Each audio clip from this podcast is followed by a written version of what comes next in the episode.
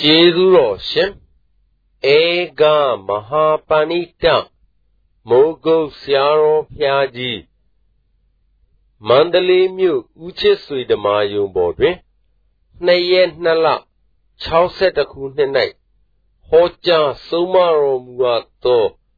မဲခင်ဖောင်ပြင်းရန်မရဏရေဘေးကာကွယ်ရေးတရားတော်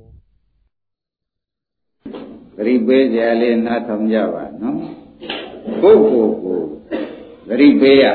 သူများဂရိပေးတာတဲ့ကိုယ့်ကိုယ်ကိုဂရိပေးဖို့ကဘုံမပြီးဒီကလာရေးကြည့်တယ်ဆိုတာအောင်မရနော်ခုမှလည်းမျိုးတွေမှာနေကြထိုင်ကြတဲ့ဓမ္မတွေရောဘုန်းကြီးတွေရောအားလုံးပေါ့လေအိပ်ပျော်နေတော့ကိုရေတွေလာမယ်ဆိုလို့ရှိရင်ဒကာဓမ္မတို့အိပ်ပျော်နေတော့ရှိ တောင်ကြီးကတောင်ကြီးကြော်ပြီးဒီကလာရေတွေလာပြီးဒီကလာဘုန်းကြီးတို့နဲ့ကွာဒကာဓမ္မတွေကိုမျောချသွားမယ်ဆိုရင်အေယာဝတီမရောက်ကြဘူးတောင်ပေါ်ကျော်လာတဲ့ရေဆိုတော့ဒီမျိုးလောက်တော့သွားမှုသွားမှာအဲ့ဒီကတော့လွမ်းမို့သွားတဲ့ခါကျတော့ကို့မှာဖောင်လေးလေးလေးတက်တွေကမရှိတဲ့ခါကျတော့ဗျံမရာမျောဘူးဗျံမရာမျောရလိမ့်မယ်ဆိုတာသဘောကျကြ ဒီတိုင်းပဲတဲ့ဓမ္မတို့သိရမယ်မရဏဆိုတဲ့ရေကြီးကလာနေပြီလို့အောက်မေ့ကြပါနော်ဒီမဲ့ရေကြီးကဘာတော့လာနေကြပြီဓမ္မတို့ဘယ်သူမှမလွတ်ဘူးဆိုတာကိုသဘောကျသေအလုံးတိုက်ချမဲ့ရေကြီးကမလာသေးဘူးလာနေပြီဆိုတော့ခမောင်တို့သဘောကျလားမောင်ကိုတို့ ကောင်းပြီဒီလိုသဘောကျတဲ့အခါရေလာတာဒီကားလို့ရှင်ရေကတော့လာမြဲတိုင်းလာမှာပဲကိုကအိပ်ပျော်မနေလို့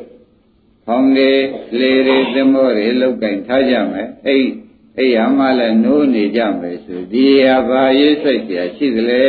လို့မဆိုရဘူး ငါကိုယ်ကလည်းအိပ်ပြောနေမှာရေကလည်းလာမယ်ဖောင်းနေလေဒီသမောတွေကလည်းမတည်မီဘူးဆိုလို့ရှိရင်ဗျံပရာမျောရလိမ့်မယ်ဆိုတဲ့ဥစ္စာမသေးကြကြဘူးအဲ့ဒါစဉ်းစားပြီးကြလားငါတို့ဘာဖြစ်နေတုံးမေးတော့မရဏဆိုတာကြီးကဒကာဓမ္မတို့အတိအသီလာနေပြီလို့မှတ်ပါသိရမယ့်ကိစ္စကြီးကအသေးသေးလာနေပြီဆိုတာသဘောကျ90ရှိတဲ့ပုဂ္ဂိုလ်ကလည်း ခွန်ဆင်ငံနဲ့တန်ထားပါတော့အင်းရေတော်တော်နစ်နေပြီဆိုရင်လည်းလွယ်ပါ30ရှိတဲ့ပုဂ္ဂိုလ်လည်း30လောက်နစ်နေဖရင်လည်းတော့ပေါင်းလည်းတော့ခါလောက်ရောက်နေဖလို့ဆိုရင်လို့ရှိရင်ကိုလွယ်ပါဒါဖြင့်ဒကာဓမ္မတွေရေလွတ်တဲ့ပုဂ္ဂိုလ်ဒီတဲ့မရဏရေလွတ်တဲ့ပုဂ္ဂိုလ်များပါပါရဲ့လားလို့မေးရင်ဘယ်နဲ့ပြောပါမှန်ပါပါအကုန်ဒီရည်ကြီးဒီဒကာဓမ္မတို့ ရှင်းကဒကာဓမ္မတွေဘိုးဘွားတွေလည်းမရဏရည်ထဲမှာမျောပြီးဒီကလာသွားကုန်ကြပြီဆိုတာညင်းဖို့လိုသေးလားအခုဒီဃာဓမ္မတွေလည်းဘာနာလုံနေကြသရုံလို့မဲလိုက်ခြင်းဖြင့်ရေတော့လာနေကြတပည့်တော်မှာဖောင်နေတတ်တယ်လေတွေမရှိသေးဘူးဆိုလို့ရှိရင်လည်းဆရာဘုန်းကြီးကတိုက်တွန်းလိုက်ဒကာဓမ္မတို့လောဘဒေါသမောဟအရိဟုသောအိပ်ပျော်ခြင်းနဲ့အိပ်မနေကြပါနဲ့ မဲခင်ဖောင်တို့ဥပဒနာဖောင်တို့လုံးနှစ်ပါငါလုံးလွဲဖောင်တို့ရှစ်လုံးလွဲဖောင်တို့လုံးနှစ်ပါငါလုံးလွဲဖောင်လဲဒကာဓမ္မတို့ဆံပေါင်ပဲလို့မှတ်ရနော်ရှစ်လုံးဆိုရင်မဲခင်ရှစ်ပါးပြည့်တယ်ဆိုမဲခင်ရှစ်ပါးဖောင်ကြီးရလဲထို့အတူပဲဒကာဓမ္မတို့ဆံတဲ့ဖောင်ကြီးပဲနိဗ္ဗာန်ပဲသွားတဲ့ဖောင်ကြီးပဲဆိုရင်လွဲပါ အဲ့ဒါတွေသိထားတော့မှဘုန်းကြီးဓမ္မတွေကဩငါးလုံးတွဲဖောင်ရှိရင်လည်းတော်သေးရဟာရှစ်လုံးတွဲဖောင်ရှိလို့ရှိရင်လည်းဘုံဘုံကောင်းတာဆိုပြီးကြလားယခုချိန်မှာဖောင်တွဲဖို့ဖောင်ရှင်ဖို့အချိန်မရောက်ကြသေးဘူးလားရောက်ပါပါဗျာဘယ်နဲ့ကြောင့်ရောက်ပါလိမ့်မယ်ဆိုတော့ရေလာတာသေချာနေလို့လို့ဆုံးဖြတ်ချက်ချသမ်းဘာသေချာနေပါလဲမရဏကပြိပရိနေတဲ့စိတ်ကတပြီတနေ့တခြား မရဏရည်ထဲမှာနစ်နစ်နစ်နစ်လာတာအသက်တိုင်းနစ်နေတယ်လို့သုံးဖြတ်ချက်ချသမ်းပါသဘောပါအဲ့တော့ဒီဥစ္စာဒကာဓမ္မတွေကအာရေတော့လာနေပြီဒီမှာတော့သိရဲ့အိပ်ပျော်နေတယ်ဆိုတော့လောဘအလုပ်လုပ်နေတာအိပ်ပျော်တာမှတ်လိုက်စမ်းဒေါသအလုပ်တွေလုပ်နေတာဟောမောဟအလုပ်တွေလုပ်နေတာသအဲ့ဒီအိပ်ပျော်ခြင်းတွေနဲ့အိပ်ပျော်နေလို့ရှိရင်ဖြင့်မက္ကံဖောင်ကိုယ်ပိုင်ရှိရလား ငါးလုံးဖောင်ကိုကိုယ်ပိုင်ရှိရလား၆လုံးဖောင်ကိုကိုယ်ပိုင်မရှိလို့ရှိရင်ရေကလည်းလားအသိကလည်းသံဆိုတော့ကမောင်တို့မောင်ကိုတို့ဗယံမရမျိုးကြလိမ့်မယ်ဆိုတာမသေးကြဘူးလားဗယံမရမျိုးလို့ချင်းငါးလုံးငါးလေးအစာဖြစ်တယ်လို့အပယ်လေးပါးတွေအစာဖြစ်ရအောင်ပဲဆိုတာလည်းစိတ်တို့တော့မသေးကြလား အဲ့ဒါတွေကိုယ်ပိုင်ညာနဲ့ကိုယ်တိုင်စဉ်းစားပြီးဒီကလာဘုန်းကြီးတို့ဓမ္မတွေဟာငါးလုံးဖောင်တော့ဖြင့်ဝိပဿနာမဲ့တည်ဟူသောငါးလုံးဖောင်ဖို့ဖြင့်ဆင်မအာဒီကအထက်တက်ပြီးဒီကလာဒကာရမဉဏ်ဆိုင်အောင်ဆိုတော့မဲ့ခင်7ပါးဆိုတဲ့ရှစ်လုံးဖောင်ကြီးကိုလည်းမရရအောင်လုံးမဆိုလို့ရှိရင်ဖြင့်ဒီဖောင်နှစ်ခုကရုပ်တဲ့ဖောင်မျောတဲ့ဖောင်မဟုတ်ဘူးဆန်တဲ့ဖောင်တို့သေးသေးချာချာဖတ်ကြပါ ဒါဖြင့်ဒကာရမတို့အာကိုရဖြစ်ဖောင်ဝင်ခုပြပါလေဝိပဿနာမဲ့ဖောင်တစ်မျိုးလောကုတ္တရာမဲ့ဖောင်တစ်မျိုးလို့ဘယ်နှမျိုးများပြဒါဖြင့်ဒကာရမတွေဒီဖောင်ကိုကြည့်လို့ရှိရင်ဖြင့်ခင်ဗျားတို့အမတန်ကိုကျိုးနေပြီဗျာမရာမျိုးပြီးငားလိုက်ငားနေစားဖြစ်ရသလိုအပယ်လေးပါးရဲ့စားဖြစ်ရမယ်ဆိုတဲ့ဥစ္စာညှင်းဆန်နေဖို့လိုကြသေးလားအဲ့ဒါကြောင့်ဆရာဘုန်းကြီးက အာရုံဒကာရမတွေကိုသနာသဖြင့်ဒကာရမတို့ကိုယ်ဖောင်လေးနဲ့ကိုယ်ပိုင်ရှိကြဗလားမေးရကိုယ်ဖောင်လေးကိုယ်ပိုင်ရှိကြဗလားလို့မေးတယ်ရေးလာတာကတော့သိကြမနေဘူးလားမရဏရည်တွေကဘုရုလွတ်မယ်ထင်ကြတယ်အခုတရားတော်လုံးအကုန်တိုက်ချပြီးသေမပုဂ္ဂိုလ်ကြီးပဲဆိုရင်ကိုလွယ်ပါမလားကောင်းပြီဒီဥစ္စာဖောင်မရှိတဲ့ပုဂ္ဂိုလ်ဖြစ်နေဒကာရမတို့ကိုကျွန်းနေရတော့မယ်မနေကြဘူး အဲ့ဒါတွေဆိုရင်တဲ့အတွက်ဒကာဓမ္မတွေကအိတ်ချင်းအိတ်အိတ်ပြီးဒကာလာနေ냐တော့လေဘုကမောင်တို့ပေါင်ကိုတို့ဘုန်းကြီးတွေမနှိုးတဲ့ဘူးလားနှိုးလိုက်တယ်ဆိုတဲ့ဥစ္စာဒကာဓမ္မတွေသေးသေးချာချာမှတ်ကြပါမနှိုးပဲထားလို့ရှိရင်ခင်ဗျားတို့သားနဲ့ပြောရလဲအိတ်ပြောခြင်းသမီးနဲ့ပြောရလဲအိတ်ပြောခြင်းပစ္စည်းရောင်းဝယ်နဲ့ပြောတာကိုဒီအိတ်ပြောခြင်းနေနဲ့ပဲ ဒကာဓမ္မတွေချိန်ကုန်ပြီးကြလာနေကြမယ်ဆိုလို့ရှိရင်ဖြင့်မရဏရေကမျောချလိုက်တဲ့ခါကြလို့ရှိရင်ဖြင့်ဖိုကိုရမယ်ဆွဲရကြင်ရမယ်ဖြစ်တဲ့ဗျံမရာမမျောကြပြီဘူးလားဘယ်နဲ့ကြောင့်မျောရပါလိမ့်မလဲလို့ဘုန်းကြီးတို့ဒကာဓမ္မတွေဘုန်းကြီးများကမေးလိုက်တဲ့အခါဖောင်းကိုယ်ပိုင်မရှိလို့ရှင်းကြဘာမရှိလို့ပါဒါဖြင့်ဒကာဓမ္မတို့ရေးမလာလို့ရှိရင်တော့ဘုန်းကြီးက ဟာငါးလုံးဖောင်တွဲကြပါဟာရှစ်ပါးပြည့်တဲ့ဖောင်တွဲကြပါဟာလို့တိုက်တွန်းเสียလူသေးတယ်အခုတော့သေးသေးကြကြလာမှလည်းဧကံသိတကယ်သိဒကာဓမ္မတွေလည်းအခုပြောလိုက်တော့သိဘုန်းကြီးများကလည်းသိတော့ဒကာဓမ္မတို့ကိုယ်ပိုင်ဖောင်လုပ်ကြစမ်းပါသဘောကျလား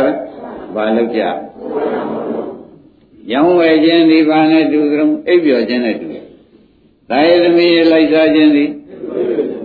အိပ်ပျော်ခြင်းနဲ့တူတယ်ဆိုလို့ရှိရင်ဖြင့်ဒါဖောင်လို့လုပ်ဖြစ်သေးရဲ့ဖောင်လို့မလုပ်ဖြစ်တော့ဘူးဆိုလို့ရှိရင်ဖြင့်ဘုန်းကြီးတို့ဓမ္မတွေမှာကုကျိုးနေရတော့မယ်လူပြေလာပြီးဒီကလာဘယ်လေးပါးကတက်လာတဲ့ပုဂ္ဂိုလ်တွေများပါတယ်ဒီကနေပြီးဘယ်လေးပါးပဲမရဏရေပြောလိုက်တာနဲ့ပြန်ရောက်ရမယ်ဆိုတော့ဓမ္မတို့အမြတ်မြတ်ထွက်သေးလားလို့မေးလိုက်ပါတယ်အမှန်တန်ကြောက်เสียမကောင်းဘူးလားအဲဒါကြောင့် ယခုအချိန်လေးမှာဆရာဘုန်းကြီးကတိုက်တွန်းတယ်။တာယသမီးစီဝါရင်နဲ့ပြောမွေးပြီးဒီကလာမနေလိုက်ပါနဲ့။ကိုယ်သေးရမယ့်ရေကရင်ကောင်းလောက်ရောက်နေတဲ့ပုဂ္ဂိုလ်လည်းမနေရပါဘူး။သေးစီလောက်ရောက်နေတဲ့ပုဂ္ဂိုလ်ကဒီထဲမပါဘူးလို့ဆိုနိုင်ကြပါ။အဲဒီရေဝင်လို့ရှိရင်ဖြင့်ဒကာဓမ္မတို့သေဘောဝင်ရမယ်ဆိုတာကညှင်းဆန်နေဖို့လိုသေးလား။ အဲ့ဒါတွေဧကံတိတကယ်သိဖြစ်ပြီးဒီကလာနေသောကြောင့်ဘုရားကတံပုဒ္ဒဝတုသမ္မတ္တံဗျာသတ္တမာနသနရံသုတ်တံကာမမဟောဘောဝမစ္စုအာရယကေစတိလို့ဓမ္မဝရပါဠိတော်ကြီးများမှာသေသေးချာချာပြောဟောထားတယ်နော်အတိဘယ်ကတော့ဘုန်းကြီးရှင်းမိသားပါပဲဒကာဓမ္မတွေသာယသမီးရှိပွားရင်လည်းအိပ်ပြီးမနေပါနဲ့ငါးလုံးဖောင်ဖြစ်ဖြစ်အရတွဲပါ ကိုစီးဖို့ကိုခိုးဖို့ကိုတက်တာဖို့ဆိုလို့ရှိရင်မလုပ်ထိုက်ကြဘူးရှစ်လုံးပေါင်းပြည့်အောင်လုပ်နိုင်မယ်ဆိုရင်လည်းဘုံဘုံမကောင်းကြဘူးလားအဲဒါကြောင့်တရားဓမ္မတို့ရေမလာရင်ဘုန်းကြီးပြောဖို့လိုသေးလားရေလာဗလားမလာဘူးအသေးသေးကဆိုင်ရာဆိုင်ရာနှစ်တန်တော့နှစ်ကုန်ပြီဆိုရင်ဒါတော့မှဒကာဓမ္မတွေခိုးကိုရဖြစ်တဲ့ငါးလုံးဖောင် ခိုးကိုရဖြစ်တဲ့ရှစ်လုံးဖောင်ကိုမလုံးကြသေးဘူးဆိုလို့ရှိရင်ဖြင့်မေလွန်းလာတယ်အိတ်လွန်းလာတယ်လို့ဆိုလိုက်မဆိုလိုက်အဲဒါကြောင့်မေလည်းမမေ့ကြပါနဲ့အိတ်လည်းမနေကြပါနဲ့လောဘဒေါသမောဟရိဟုသောအိပ်ပျော်ခြင်းနဲ့လည်းအိပ်ပျော်မနေကြပါနဲ့တရားဓမ္မတို့ပယ်လေးပါးရိသောငါလေးမကန်းတို့အစာရိဧကန်တကယ်ဖြစ်ရမှာဖြစ်လေသောကြောင့်ဒီဖောင်နှစ်ခုကိုဖြင့်ရှင်မြောက်ရှင်ပါဆိုတာရှေ့ဘင်းကတိုက်တွန်းပါတယ် ဒါရင်ဒီနေ့ဗာတရားဟောမယ်ဆိုတာကိုရိပ်မိကြပါဘူးလားငါးလုံးဖောင်ရအောင်ဆင်ဆင်နိုင်တဲ့ပုဂ္ဂိုလ်တွေဆင်ကြနော်ရှစ်လုံးပေါင်ရအောင်ဆင်နိုင်တဲ့ပုဂ္ဂိုလ်လည်းပုံမိုကောင်းတယ်လို့ဆရာဘုန်းကြီးကမဟုတ်ဘူးလားအဲဒါကြောင့်ဒကာဓမ္မတို့ခမည်းတော်သားလေးတွေကတော့ဖြင့်စည်းလို့မရတဲ့ပြင်သူတို့ကြောင့်ပဲမြုပ်တဲ့ထဲမသွားရပဲဘူးလား စိန်လေးတွေရွှေလေးတွေမြားလေးတွေရှိတာကလည်းသူတို့ကြောင့်ပဲမြုပ်အောင်ပဲဆိုတော့မသေးကြဘူးလားတိုက်ဒေတာတွေဓာတ်တွေဆွဲလန်းသေးသောမယ်ဆိုလို့ရှိရင်လည်းသူတို့ကြောင့်ပဲရေမရဏရေကလည်းမျောသူတို့ကြောင့်သူတို့ထုတ်လေးတာနဲ့လည်းမြုပ်ရလေဥမယ်ဆိုတာကလည်းမသေးကြလားအဲ့ဒါကြောင့်ဘုန်းကြီးတို့ဓမ္မတွေပါတဲ့သာယေတုံယေရှိဘွားယေရီဟူသောအိပ်ပျော်ခြင်းနဲ့မနေကြဘဲနဲ့ဖောင်းရှင်တဲ့အလုပ် ငါးလုံးဖောင်းလုံးနိုင်လုပ်ပါရှစ်လုံးဖောင်းလုံးနိုင်လုပ်ကြပါဆိုတဲ့ဥစ္စာကိုကိုယ့်အသေးအသေးဆိုးကိုကြောက်လို့ရှင်းဖြင့်ဆံပေါင်းနှမျိုးကိုဖြင့်ဥက္ကမောင်လုပ်ပြအောင်လုပ်ပါလို့သတိပေးလိုက်တယ်သဘောပါကြဝိပဿနာမက်ကပါတဲ့ငါးလုံးဖောင်းလောကုတ္တရာမက်ကဝိပဿနာမက်ကအဲလောကုတ္တရာမက်ကအဲဒါကြောင့်ဘုရားခင်ကိုရမကြီးကလည်းဟောရှာ ဝါတဲ့နိဗ္ဗာန်ဆိုတဲ့ဥစ္စာဒီကားလို့ရှင်ဖြင့်ပဂရိသောခြေရရင်နဲ့လေရင်နဲ့သွားလို့မရဘူးမော်တော်ရင်နဲ့သွားလို့မရဘူးကွလေရင်နဲ့သွားလို့မရဘူးကွမဲခင်၈ပါးဤဟူသောဖောင်းမဲခင်၅ပါးဤဟူသောဖောင်းရှင်းဥစွာရှင်းပြီးဒီကလာမဲခင်၈ပါးပြည့်အောင်ဖောင်းကိုကျိုးစားလုပ်လိုက်ရလို့ရှင်းတယ်ဒကာဓမ္မတို့ကိုယ်ဖောင်းနဲ့ကိုယ်သွားရမှာရှင်းမလားသူများဖောင်းဖို့စည်းလို့ရပါ ဒါရင်ဘယ်လိုလုပ်ကြမလဲကိုယ်ဖောင်ကိုဆင်ရမယ်တွဲရမယ်ဆိုတာဒကာဓမ္မတို့ခြေပိုင်းကသေချာသတိပေးနေတယ်သဘောပါကြအဲ့ဒါဒီထဲမှာကုမတရားနာတဲ့ပုဂ္ဂိုလ်တွေလည်းရှိလိမ့်မယ်နာဝိဒပုဂ္ဂိုလ်တွေကတော့များတယ်ကိုယ်ပိုင်ဖြင့်မရှိရှိအောင်လုပ်ပါဆိုတာကိုဖြင့်လေးနဲ့ဆိုပဲဆရာဘုန်းကြီးကတိုက်တွန်းပါတယ်ဆိုတာသဘောကျကြဒါဖြင့်ဒကာဓမ္မတို့ ရှင်မရှင်မဆိုမှလည်းကိုယ်ပိုင်ညာနဲ့ဆင်လို့မဖြစ်ဘူးဆရာဘုန်းကြီးကဆင်နည်းပြင်နည်းကိုပြောမှသာလျှင်လေဒကာသစ်တို့ဥက္ကမောင်တို့နားလည်မနော်နမယနားလည်ပါခိုင်းဒါဖြင့်မနေ့ကမနေ့ကကြာမင်းကြီးကမေးတော့သနမာနဒိဋ္ဌိဆိုတဲ့ပပင်စတရားတွေထုတ်ရချုပ်ကြောင်းအကျင့်ကောင်းမရှိဘူးလားခရားလို့မမေးလားရှိတယ်ကွာ တရားရဆိုပြီးဘုရားခင်ကိုရမေကြီးကဝေဒနာနုပဒနာရှုလို့မဟုတ်ဘူးလားသဘောပါကြဘာရှုอ่ะဝေဒနာနုပဒနာရှုရမယ်ဆိုတာဒကာဓမ္မတွေသေချာမှတ်ပါနော်ဒါကတရားနဲ့ပတ်သက်လို့ခေါ်တာတရားနဲ့ပတ်သက်လို့သိတ္တ ानु ပဒနာမဟောနိုင်ဘူးတရားကဝေဒနာ ानु ပဒနာရှုပါလို့ဘုရားခင်ကိုရမကြီးကတရားဟောလို့ ဒီနေ့ဝေဒနာ ानु ပဒနာရှင်းအောင်ပြမယ်လို့ဆိုတဲ့ဥစ္စာတရားဓမ္မတွေမှတ်ပါငါးလုံးဖောင်လည်းဖြစ်ပါလိမ့်မယ်ရှစ်လုံးဖောင်ကြအောင်လည်းယနေ့ခမည်းတော်ရှုနည်းပွားနေနေကွာအသေးချာသိရပါလိမ့်မယ်ခိုကိုရစစ်အားထားရဖြစ်ကဖြင့်တကယ်စစ်တို့ကမောင်တို့မောင်ကိုတို့သေချာတွေ့တော်မယ်ဆိုတာမှတ်ကြပါနော်တသံတရားလုံးတရားဓမ္မတို့ဒီဖောင်းတွေကိုကိုယ်ပိုင်မရခဲ့တဲ့ချက်မြုပ်လမြုပ်သမားနဲ့မျောသမားကြီးဖြစ်ခဲ့ရတယ်ဆိုတာမှကိုယ်တို့ညှင်းဖို့လိုသေးလား ဘယ်နဲ့ကြောင့်မြုပ်သမားမျောသမားကြီးအဖန်မှန်ဖြစ်နေရပါလိမ့်မလဲလို့အမေတို့တော့မှာဩဖောင်းကိုယ်ပိုင်တခါမှမလုပ်ခဲ့တဲ့အဓိပ္ပာယ်ပဲမစိုးနိုင်ရဘူးလားအဲဒါကြောင့်ဖောင်းကိုယ်ပိုင်မလုပ်ခဲ့လို့ရှိရင်ဒကာဓမ္မတို့မြုပ်သမားမျောသမားပဲဖြစ်ရတယ်မဖြစ်ရဘူးမျောပါများတော့ဘာဖြစ်မယ်ရှင်မျောပါများရင်မြုပ်ပါဆိုရင်တဲ့အတွက်ဒကာဓမ္မတို့အသက်ကြီးတဲ့ပုဂ္ဂိုလ်မြန်မြန်ရှင်ပါ အသက်ငယ်တဲ့ပုဂ္ဂိုလ်လည်းဣဇေဝသူဝယနေ့လားနဲ့ပြန်တာမသိတဲ့အတွက်မြန်မြန်ရှင်ပါမတိုက်တွန်းလိုက်ဘူးလားအသက်ကြီးတဲ့ပုဂ္ဂိုလ်လည်းသေကံနီးလို့ဖောင်းဆင်ပါလို့တိုက်တွန်းလိုက်အသက်ငယ်တဲ့ပုဂ္ဂိုလ်လည်းယနေ့လားနဲ့ပြန်လားလို့ခန္ဓာကိုယ်ကမပိုင်ညာကြီးရထားတဲ့အတွက်ငယ်တဲ့ပုဂ္ဂိုလ်လည်းမြန်မြန်ဆင်ရမှာပဲရှင်းမလားငယ်တဲ့ပုဂ္ဂိုလ်ရောကြီးတဲ့ပုဂ္ဂိုလ်မြန်မြန်ဆင်ရမှာပဲခင်ဗျားတို့ အိတ်ချင်းတော့လျှော့လိုက်စမ်းပါဆိုတာကိုဖြင့်တိုက်တွန်းပါလေအိတ်ချင်းဆိုတာဘာပါလိမ့်မလို့မေးတယ်လောဘဒေါသမောဟတို့အလုတ်တွေလိုက်စားနေတာဘာပါလိမ့်အဲ့ဒါတွေမေ့တယ်အလုတ်တွေပုံလိုက်ရအဲဒါကြောင့်ဒကာဓမ္မတို့တရားရှိနေတာမဟုတ်ပါဘူးခမည်းတော်သတိပေးနေတာလို့မှတ်လိုက်စမ်းပါဘာပြောနေတာသတိပေးနေတာခင်ဗျားတို့ကတော့ဖြင့်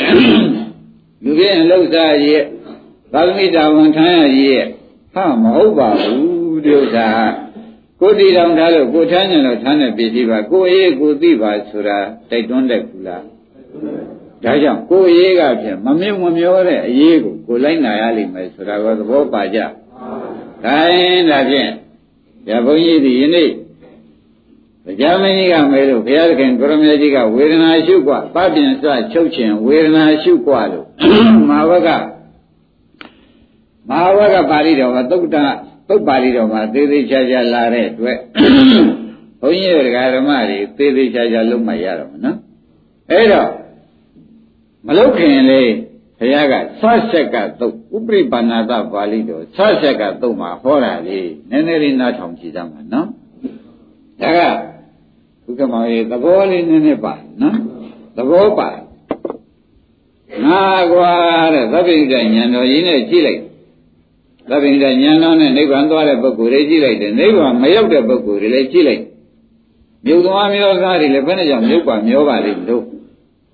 သံသမားတွေချမ်းသာပြီးတကလားသွားတဲ့ပုဂ္ဂိုလ်တွေလည်းဘယ်အတွက်ကြောင့်ချမ်းသာပါလိမ့်မလဲလို့နာကြည့်လိုက်တဲ့အခါကျလို့ရှိရင်ねဒကာရမတို့ဒီဘက်ကဒုက္ခဝေဒနာကိုဒုက္ခဝေဒနာဆိုတာဒကာရမတို့ ကိုယ်ပေါ်မှာလည်းဒုက္ခဝေဒနာပေါ်တယ်ဝန်တော့မှလည်းသောမနာသဆိုတဲ့ဒုက္ခမပေါ်ဘူးလားအဲ့ဒီဒုက္ခဝေဒနာကိုတဲ့ဓမ္မတွေဒီဒုက္ခဝေဒနာနောက်ကဒုက္ခဝေဒနာပြည့်စရာတဏှာလို့မလားဘူးမှန်ပါဘူးဩဒါကဒကာဓမ္မတွေအားလုံးသိသိချာချာနားထောင်ပါဒုက္ခဝေဒနာပြည့်စရာဩဒီဥစ္စာဥက္ကမမလာမဖြစ်တဲ့အလုပ်ပါလား မောင်ကိုပါတဲ့ပဋိစ္စသမုပ္ပါဒကွာဒကာဓမ္မတို့ပါတဲ့ပဋိစ္စသမုပ္ပါဒဆိုတာကဘုရားမပွင့်လဲသူဒီလမ်းတိုင်းသွားတာဘုရားပွင့်လို့ဖြတ်ပေးပြန်လဲပြတ်တာပဲသဘောကျဘုရားပွင့်လဲဒီလမ်းတိုင်းမသွားဘူးလားဒုက္ခဝေဒနာပြည့်စရာတဏှာပြည့်စရာဥပါဒနာပြည့်စရာကမ္မဘဝပြည့်စရာဇာတိပြည့်စရာ ကိုင်းတရားဓမ္မတို့ဒုက္ခဝေဒနာခင်ဗျားတို့ကချမ်းသာလိုက်တာဆိုပြီးကိုယ်ပေါ်မှာဒုက္ခလေးချမ်းသာလို့ဝန်းထဲကသောမနာကဝန်းတာလုံးလေးနဲ့ရွှေတဲ့ငွေလေးတိုက်ကလေးကားလေးရလို့ဝန်းတာတဲ့ဒုက္ခဝေဒနာကိုခင်ဗျားတို့ကဘယ်လိုမှမလုပ်တော့ပါဘူးဆိုလို့ရှိရင်ဖြင့်ငါလမ်းတိုင်းငါသွားမယ်ဆိုပြီးကြလားဒုက္ခဝေဒနာဖြစ်เสียပါတယ်တဏှာဖြစ်เสียဥပါဒနာဖြစ်เสียကမ္မဘဝဖြစ်เสียဓာတိဖြစ်เสีย ဆေယမရဏဒကာဓမ္မတို့ညောသွားပြီခါလာဒီဘက်မှာဇာတိပိဆေယဆေယမရဏဆိုတော့ဒီကမောင်တို့မောင်ကိုတို့မြုပ်လားမျိုးလားမရောက်သေးဘူးဘာကြောင့်မြုပ်လားမျိုးလားကိုဒကာဓမ္မတို့ရောက်ရပါလိမ့်မလဲလို့မေးဖို့မလိုဘူးလားအဲဒုက္ခဝေဒနာကိုခမည်းတော်ကပယ်နိုင်တဲ့စွမ်းရည်သတ္တိမရှိတာနဲ့ဒုက္ခဝေဒနာကိုပယ်နိုင်တဲ့စွမ်းရည်သတ္တိမရှိတာနဲ့ ဒုက္ခဝေဒနာနောက်ကတဏှာကိုပယ်နိုင်တဲ့စွမ်းရည်တတ္တိမရှိတာနဲ့ခမည်းတော်ခေါင်းကမြုပ်လားမျောလားဘက်ကိုဆက်သွားရပါတယ်သဘောကျဘယ်လမ်းပဲဆက်သွားမြုပ်လားမျောလားဘက်ကိုဆက်မသွားသေးဘူးလားဘာကြောင့်ဆက်ရပါလိမ့်မတော်တို့ဥက္ကမောင်တို့မေပြီဥပါအောင်တို့မေပြီတက္ကသစ်တို့မေပြီတဏှာမပယ်နိုင်သဘောကျကြဘာမပယ်နိုင် တဏှာမပယ်နိုင်တဲ့တွေ့တဲ့ဒုက္ခဝေဒနာနောက်ကလာတဲ့တဏှာကိုမပယ်နိုင်တဲ့တဏှာဥပါဒံကာဇာတိစရာမရဏဆိုတော့ဒကာဓမ္မတို့စဉ်းစားလိုက်တဏှာဥပါဒံကံသဘောကျဟောဒီဟောဒီသုံးခုကယခုဘဝဇာတိဇရာမရဏတွေကဒကာဓမ္မတို့အနာဂတ်ဘဝမဖြစ်ဘူးဇာတိဇရာမရဏကပါတဲ့အနာဂတ်ဘဝဒါကပါတဲ့ ပြစ္ဆုတ်ပံဘဝရှင်းကြပါလားတဏှာဥပါဒံကံကဇာတိဇရာမရဏကအနာဂတ်ဘဝဒါဘယ်နဲ့ကြောင့်ပြစ္ဆုတ်ပံနဲ့အနာဂတ်ဆက်သွားရပါလိမ့်မလဲလို့မေးဖို့မလိုဘူးလားဒါခင်ဗျားတို့အာကြီးစဉ်းစားပါဒီဥစ္စာအလွန်ရေးကြည့်နေတယ်ဆိုတော့လည်းမှတ်ပြီးစဉ်းစားပါဒီပရိစ္ဆေသမုပ္ပါဟာ ဖြတ်ပင်မဲ့ဘုရားလည်းမလာဘူးဖြတ်ပင်မဲ့ဘုရားဤတပိသားလည်းမလာတော့ဘူးဆိုလို့ရှိရင်ဖြင့်ဥက္ကမောင်ဒီတန်းဟာဖြတ်လို့ရသေးရဲ့အဲ့ဒါမှတ်လိုက်စမ်းပါဒကာဓမ္မတို့ဓမ္မနေမှာဗာနေမှာအဲ့တော့ခင်ဗျားတို့ဒီမှာချမ်းသာတာလေးကိုယ်ပေါင်းချမ်းသာတာလေးဝန်းနေဝန်းသာတာလေးလာတဲ့အခါခင်ဗျားတို့ကဒီတိုင်းနေမယ်ဆိုလို့ရှိရင်ဝေဒနာပြည့်စရာတဏှာပြည့်စရာဥပါဒနာပြည့်စရာ ဩဒီလေးခုပေါ်လာဒီလေးခုပေါ်လာလို့ရှိရင်ဖြင့်ခင်ဗျားတို့ကတော့ဖြင့်ဈေးရောင်းရဲ့ဝယ်ရပါပဲတဲ့ဒီတရားတွေကဒကာဓမ္မတို့စဉ်းစားပါတော့တဲ့ဒီဘက်ကျေစုပြုမလားမပြုဘူးလားဘာဖြစ်လို့ပြုပါလဲမတုံးလို့မဲတဲ့အခါဒီဘက်အကြောင်းဒီဘက်အကြောင်းတွေကိုခင်ဗျားတို့ကကြိုးစားထားတဲ့တွေ့တဲ့ပြစ္ဆုတ်ပံအကြောင်းတွေကြိုးစားထားတဲ့အတွက်အနာဂတ်အကျိုးသုံးခုမလာဘူးလား ဒါဖြစ်လို့ရသလားဓမ္မနိယမတဲ့ဓမ္မတို့ဖြစ်လို့ရကြဩဒါဖြင့်တို့ကကိုယ်ပေါ်ချမ်းသာလုံးလေးရှိတယ်ဒါလေးတို့ကကိုချမ်းသာတာလေးကိုကျေနပ်နေမယ်ဆိုကိုချမ်းသာတယ်ကျေနပ်တယ်ဆွဲလန်းတယ်အထုတ်တယ်ဆိုတာမလာပဲဘူးလာလိုက်လို့ရှိရင်ဖြင့်ဟိုဘဝဆက်မဆက်စဉ်းစားကြဒါဖြင့်ဒီပြစ္ဆုတ်ပံဘဝက၄ခုကြောင့်အနာဂတ်ဘဝ၃ခုမလာပဲဘူး ဒီကဲလိုလာတာထောက်ကြည့်တဲ့ခါကျတော့ဘုရားခင်ကိုရမကြီးကဒီဒုက္ခဝေဒနာကိုဟောပြီဟောဒီဒုက္ခဝေဒနာနောက်ကတဏှာလာတဲ့ပုဂ္ဂိုလ်ဟူ၍ငါဘေခါကာလမှာဒုက္ခသိမ့်နိုင်မယ်လို့မဟောဘူးပါဘူးကွာလို့ဆချက်ကသုံးပါဟောလိုက်ဒုက္ခဝေဒနာနောက်ကတဏှာလာတဲ့ပုဂ္ဂိုလ်ကိုဘယ်တော့မှနိဗ္ဗာန်ရလိမ့်မယ်လို့ငါမဟုတ်ဘူးရှင်းကြပါ ဒုက္ခဝေဒနာနောက်ကတဏှာလာတဲ့ပုဂ္ဂိုလ်ဟာဘယ်တော့မှနိဗ္ဗာန်ရောက်လိမ့်မယ်လို့ဒုက္ခဆုံးလိမ့်မယ်လို့ငါဟောကုန်မဟောဘူး။ကဲတရားဓမ္မတို့ဆက်ဆက်ကတော့ဥပရိပါဏသပါဠိဓမ္မသေချာမဟောသေးဘူးလား။သဘောပါဒုက္ခဝေဒနာနောက်ကတဏှာလာတယ်။တဏှာလာလို့ရှင်ဥပါဒံကလာတော့မယ်။ဥပါဒံလာရင်ကာမဘဝလာရင်နာဂဘဝဘာတွေလာမယ်ထင်ကြ။ဓာတိဒရာမရဏတွေက မလာပါနဲ့ဆိုလို့ရသေးရဲ့။ဒါဖြင့်ဒကာဓမ္မတို့ပဲစဉ်းစားပါတော့ဘုရားကငါဒီဒုက္ခဝေဒနာနောက်ကတဏှာလာတဲ့ပုဂ္ဂိုလ်များကိုဘယ်ခါကာလမှာဒုက္ခခတ်သိမ်းကင်းငြိမ်းတဲ့နိဗ္ဗာန်ကြီးကိုရနိုင်မယ်လို့တခါမှမဟောဘူးကဲဟောလို့ကဖြစ်ပါဘဝဘယ်နှခုဆက်သွားပါလိမ့်ဘဝနှစ်ခုဆက်သွားတယ်ရေးမိကြမလားဥက္ကမောင်ဘဝဘယ်နှခု ပြစ္ဆုတ်ဘဝနဲ့အနာဂတ်ဘဝဆက်သွားတယ်ဆိုတာဒကာဓမ္မတွေရိပ်မိဘယ်နဲ့ကြောင့်ဆက်ပါလိမ့်မလဲလို့သဘောကိုမေးကြည့်တဲ့အခါကျတော့ဒီဝေဒနာနောက်ကတဏှာလိုက်လာလို့ရှင်းမလားဒုက္ခဝေဒနာနောက်ကတဏှာလိုက်လာတော့တဏှာပြည့်စရာဥပါဒနာပြည့်စရာကမ္မဘဝပြည့်စရာဟောဇာတိဆိုတာအနာဂတ်ဘဝမြောက်သေးဘူးလားဇာတိလိုင်းတရားမရဏတွေကယုံလို့ကံလို့လွတ်နိုင်သေးရဲ့လား ဒါဖြင့်ဘုရားခင်ကိုရမေကြီးဒုက္ခဝေဒနာနောက်ကတဏှာမှမချုပ်လို့ရှိရင်ဖြင့်တဏှာမပြတ်လို့ရှိရင်ဘယ်တော့မှဒုက္ခဆုံးတဲ့နိဗ္ဗာန်ရောက်လိမ့်မယ်လို့ငါမဟောဘူးဆိုတဲ့ဥစ္စာဘုရားကြီးအမိန့်တော်ဥပမာယုံမလားဒကာဓမ္မတွေတော့ဆောက်ဆက်ကတုံမှလာတယ်လို့မှတ်လိုက်တယ်ဥပရိပါဏသပါဠိတော်ဆောက်ဆက်ကတုံမှသေသေးချာချာလာတော့ကြောင့်ဒီဥစ္စာကိုအတိလင်းမဲ့သုံးပြချက်ချပေးပါတယ်ဒကာဓမ္မတို့ ပရိစ္ဆေသမုပ္ပါဘယ်ဘဝနဲ့ဘယ်ဘဝဆက်သွားပါလဲသေးသေးချာချာနာကြနော်ကောင်းအောင်ဟောတဲ့တရားမဟုတ်ဘူးတဲ့အလုတ်ပြမယ်လို့ဟောမဲ့တရားဆိုတာမှတ်စမ်းပါနော်မကောနားထောင်ကောင်းအောင်ဟောတဲ့တရားမဟုတ်ဘူးနော်အလုတ်ပြနေတယ်အလုတ်ကိုဒီလိုလုံးမရမယ်ဆိုတာအခုတော့ဖြင့်အလုတ်မပြခင်ဩမလုပ်လို့ရှိရင်ဒီတိုင်းဆက်မှာပါလားဆိုတော့ပေါ်ကြသေးဘူးလား ။အဲဒါဖြင့်ဘုရားသခင်ကိုရမေကြီးကပြောတဲ့ဥစ္စာသုံးပါးသိအောင်ပဲဥက္ကမောင်ပြောပါဦးမယ်နော်။ဒုက္ခဝေဒနာနောက်ကတဏှာလားနေတဲ့ပုဂ္ဂိုလ်များဘယ်ခါကာလမှာငါဒီဒုက္ခခတ်သိငိမ့်နဲ့နိဗ္ဗာန်ရောက်လိမ့်မယ်လို့မဟောဘူးပါဘူးအကြောင်းလည်းမရှိဘူးဟောစရာအကြောင်းလည်းမရှိပါဘူးရိပ်မိကြဘူးဒုက္ခဝေဒနာနောက်ကတဏှာလာတဲ့ပုဂ္ဂိုလ်ကနိဗ္ဗာန်ရောက်ပါမလားဒုက္ခဝေဒနာနောက်က တဏှာလာတဲ့ပုဂ္ဂိုလ်ကနိဗ္ဗာန်မရောက်ဘူးဒီတလုံးမှဆံပါဒီတလုံးမှဆံပါအမှန်တန်ရေးကြည့်နေတယ်အမှန်တန်ရေးကြည့်နေတယ်ခင်ဗျားတို့ကဒုက္ခဝေဒနာလေးဖြစ်တယ်ဆိုလို့ရှိရင်ဥမာမဲ့ဥက္ကမဖြစ်စေမင်္ဂလာဖြစ်စေတက္ကသတ္တဖြစ်စေဥအောင်တို့ဖြစ်စေလေးလေးလိုက်လို့ကိုယ်ပေါ်မှာချမ်းသာလုံးလေးလာနေတဲ့အခါကျတော့ဒီချမ်းသာလေးကာယကဒုက္ခလေးကိုခင်ဗျားတို့ကအိုးဒီလိုများနေရတာကောင်းလိုက်တာဆိုတာမလားဘူးလား ဒီလိုနေရတာဆိုတော့ဒုက္ခဝေဒနာပေါ်တာကောင်းလိုက်တာဆိုတာကတဏှာဒီနေရာကြာကြာနေဦးမှာပဲဆိုတာကဥပါဒံမယ်ဒီနေရာမှာဟိုပြင်းဒီပြင်းရှေ့လဲထိုင်လိုက်နောက်လဲထိုင်လိုက်ဆိုတဲ့ကကာယကံနေမပါသေးဘူး။နောက်ဖြင့်ဝေဒနာပြည့်စရာတဏှာပြည့်စရာဥပါဒနာပြည့်စရာဟောကာယကံဝစီကံနဲ့ခမရတို့ကဟိုလဲထိုင်ဒီလဲထိုင်နဲ့ကာယကံလို့ဒီမလုပ်ပဲဘူး။ဒါဖြင့်ခမရတို့ ယသိရောက်ကြတိုင်းပေါ်မှာလေးကြီးလေးကြီးလေးညှင်းခံနေတာဟာပရိစ္ဆေသမုပ္ပါဘယ်မျိုးပေါ်သလုံးဆိုတော့ဝေဒနာပိစ္ဆယတဏှာတဏှာပိစ္ဆယဥပါဒံဥပါဒနာပိစ္ဆယဒါတွေပေါ်မနေဘူးလားဒါတွေခင်ဗျားတို့ကလည်းမပြတ်တော့ဘူးဆိုတော့ခင်ဗျားတို့ဒီလေညင်းခံရမှတ်တတ်နဲ့အနာကဇာတိဇရာမရဏအလုတ်ကိုလုံနေတယ်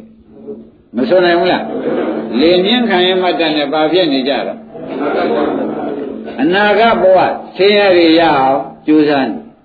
အနာဂတ်ဆင်းရဲရအောင်ကြိုးစားနေတယ်ဆိုလို့ကမယုံရင်ဆင်းရဲကြည့်လိုက်ဇာတိကပါသစ္စာဇရာကမရဏကကဲခင်ဗျားတို့လေငင်းခံရင်အနာဂတ်ဒုက္ခတွေရအောင်ကြိုးစားနေတယ်ဘယ်လိုဆိုကြမလဲလေငင်းခံရင်အနာဂတ်ဒုက္ခတွေရအောင်ကြိုးစားနေတယ်လို့ခွန်ကြီးကဆွဲချက်တင်လိုက်ပါလေ ဥက္ကမောင်ကြီးရဲ့ညင်းညင်သေးဒါကခင်ဗျားတို့ကဒီဘဝအတွက်တင်ကြိုးစားနေတာလားနောက်ဘဝအတွက်ကကြိုးဆင်းရဲနောက်ဘဝဆင်းရဲတွေပါရအောင်ကြိုးစားနေတာလားမေးရင်မနဲ့ဖြေကြဒါကတတိပ္ပံလော့သွားပြီဒကာဓမ္မတို့ဘာလော့သွားပါတတိပ္ပံလော့သွားပြီခိုင်းဒါဖြင့်ဒကာဓမ္မတို့မဲ့ခင်၅ပါးနဲ့ကျွတ်တို့အလုပ်လုပ်ကြတ ယ်မဲ့ခင်၅ပါးနဲ့အလုပ်လုပ်ကြတယ်ဆိုတော့လွယ်ပါတယ်ကိုယ်ဘောမှာဒုက္ခဝေဒနာပေါ်တယ်ဒကာဓမ္မတို့ကိုယ်ဘောမှာဘာဝေဒနာပေါ်ပါလဲလေလေးတိုက်တဲ့အဲ့တဲ့ကလေလေးတိုက်တော့ကိုယ်ဘောမှာဘာပေါ်ပါလဲအဲ့ဒီဒုက္ခဝေဒနာပေါ်ပေါ်ခြင်းခမည်းတော်ကဟောဒီမဂ္ဂင်၅ပါးနဲ့ဩသူကလေးကဖတ်တပစ္စယဝေဒနာပဲဖတ်တချုပ်လို့ချုပ်တာပဲဆိုပြီးဖြစ်ချုပ်ကိုမြင်မမြင်မြင်မရှိပါသဘောကျ ဖြစ်ပြက်ကိုမမြင်မြင်ကြည့်လိုက်တဲ့အခါကျတော့ဓမ္မတွေပဲစဉ်းစားတော့ဝေဒနာကဖြစ်ပြဲဟုတ်လားရှုတာကမဲ့ရှုတာကမဲ့လာဖြစ်တော့ကိုင်းဒကာဓမ္မတို့ဒီကြားတဲ့မဲ့ငါးပါးဆိုတဲ့ဖောင်တစ်ခုသွန်းလိုက်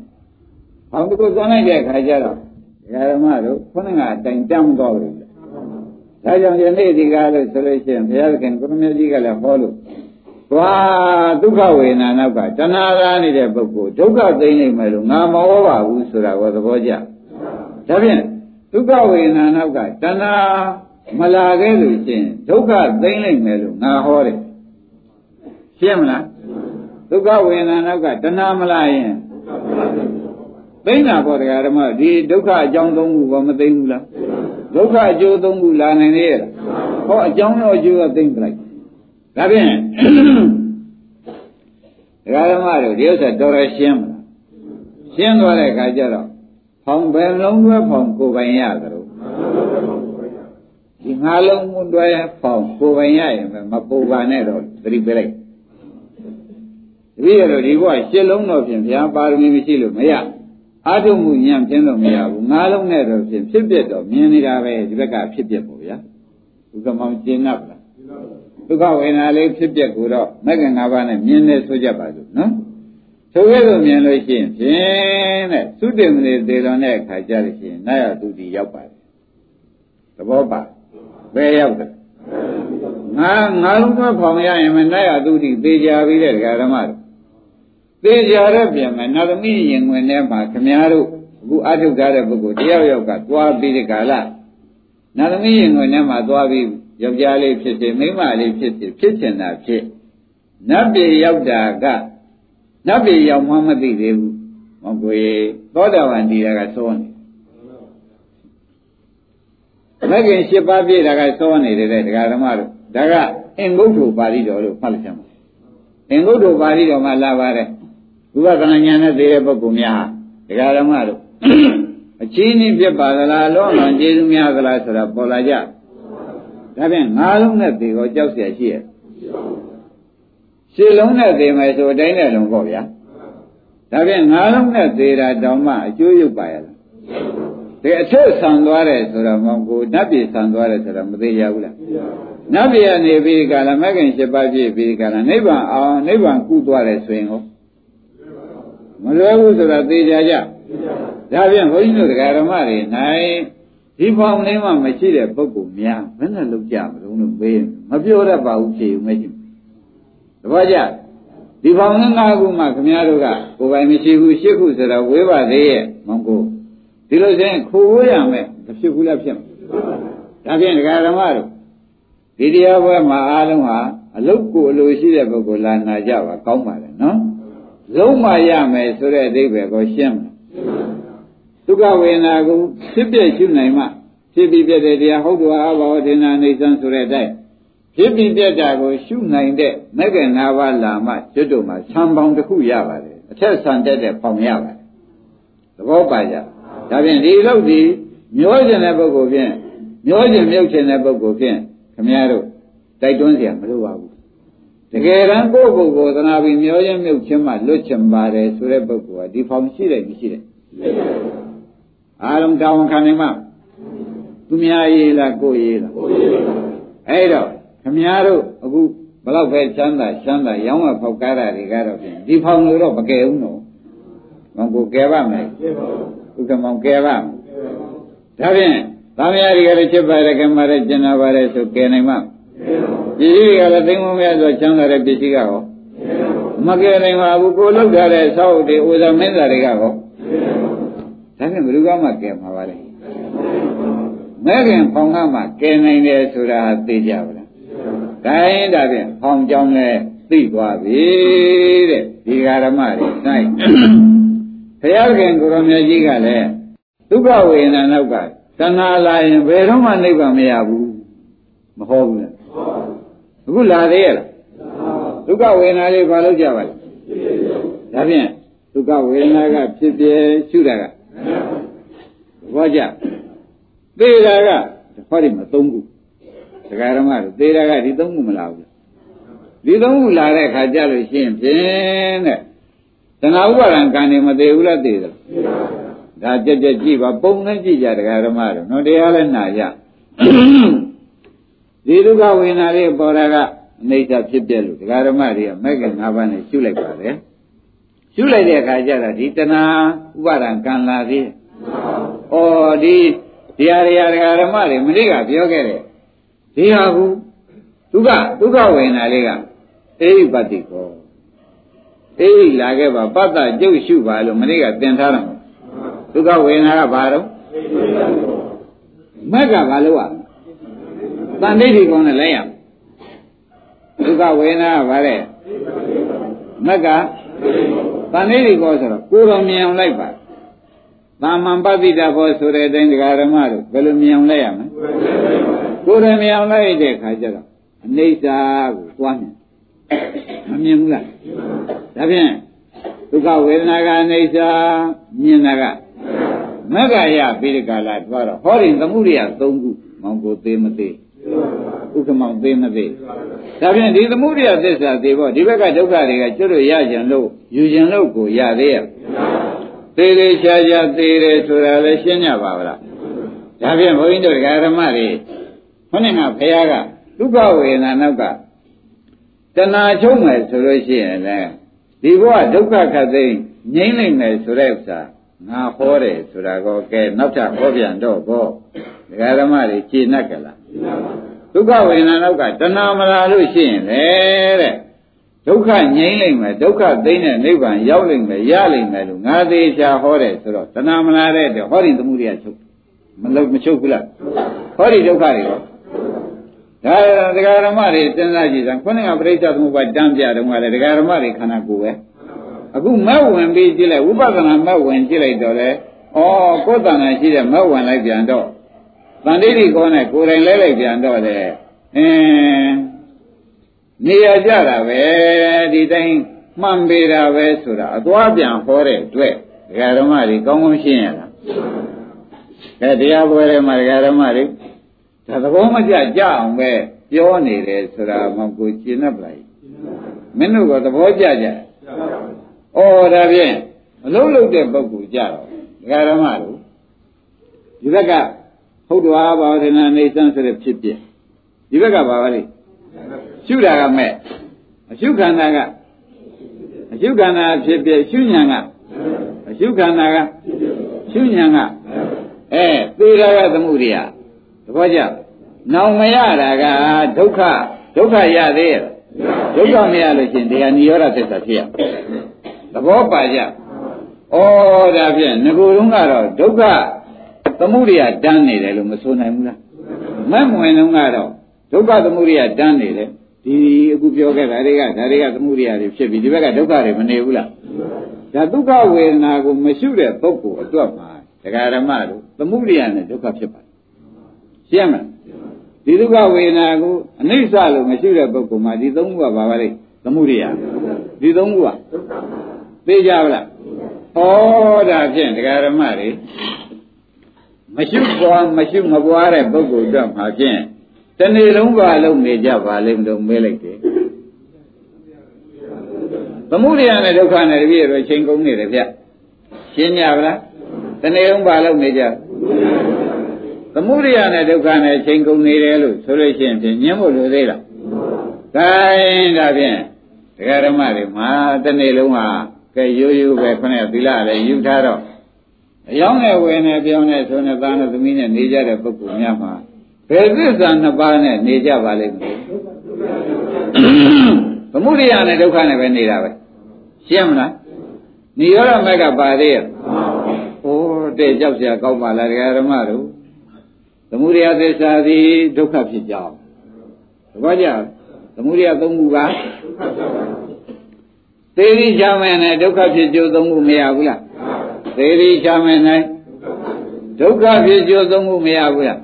ဒါဆူတောင်းလို့ပြည့်တာလားဓမ္မသဘောတိုင်းဖြစ်တာလားဒီထဲကနေပြီးခမည်းတော်ကလောက်တာကတော့သမုဒိယနဲ့ဒုက္ခဟုတ်လားဒုက္ခငြိမ်းတဲ့နိဗ္ဗာန်ရပါလေလို့ဗဇက်ကအောနေလို့ဒီအကြောင်းကျိုးကပြတ်သွားမှာလားပြတ်နိုင်မှာမလား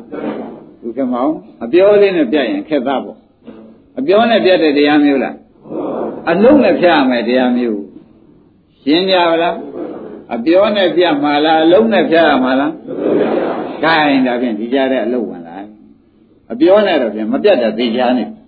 ဒါရင်ဒီကြားတဲ့အလုပ်ဝင်လာဒကာဓမ္မတို့ဒီဘက်ကဒုက္ခဝေဒနာလေးကိုယ်ပေါ်မှာပေါ်တယ်ဒီကနေပြီးဒီကရာသူကဒုက္ခဝေဒနာလေးကိုယ်ပေါ်ပေါ်တယ်ဆိုတော့ဒကာဓမ္မတွေအိပတ္တိကောလို့မနေ့ကပြောခဲ့ဘူးအေးကဗါတဲ့ ပတ္တကဩဒါလေးကရှုပါရှုပါလို့ခေါ်နေလာရှုပါလာရှုပါလို့ခေါ်တယ်သဘောကျလာရှုပါလာရှုပါလို့ခေါ်တော့ဒုက္ခဝေဒနာတွေကခေါ်တော့ခမည်းတော်က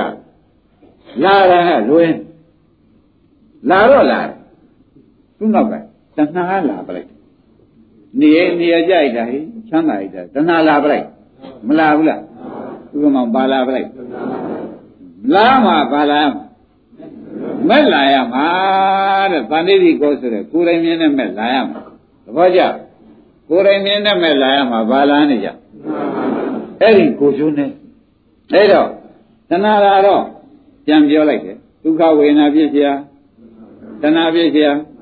ဥပါဒနာဖြစ်เสียကဲခင်ဗျားတို့ပြစ္ဆုတ်ပံမကောင်းတဲ့အကြောင်းသုံးခုတော့ကိုကိုဝနဲ့မရောက်သေးဘူးလား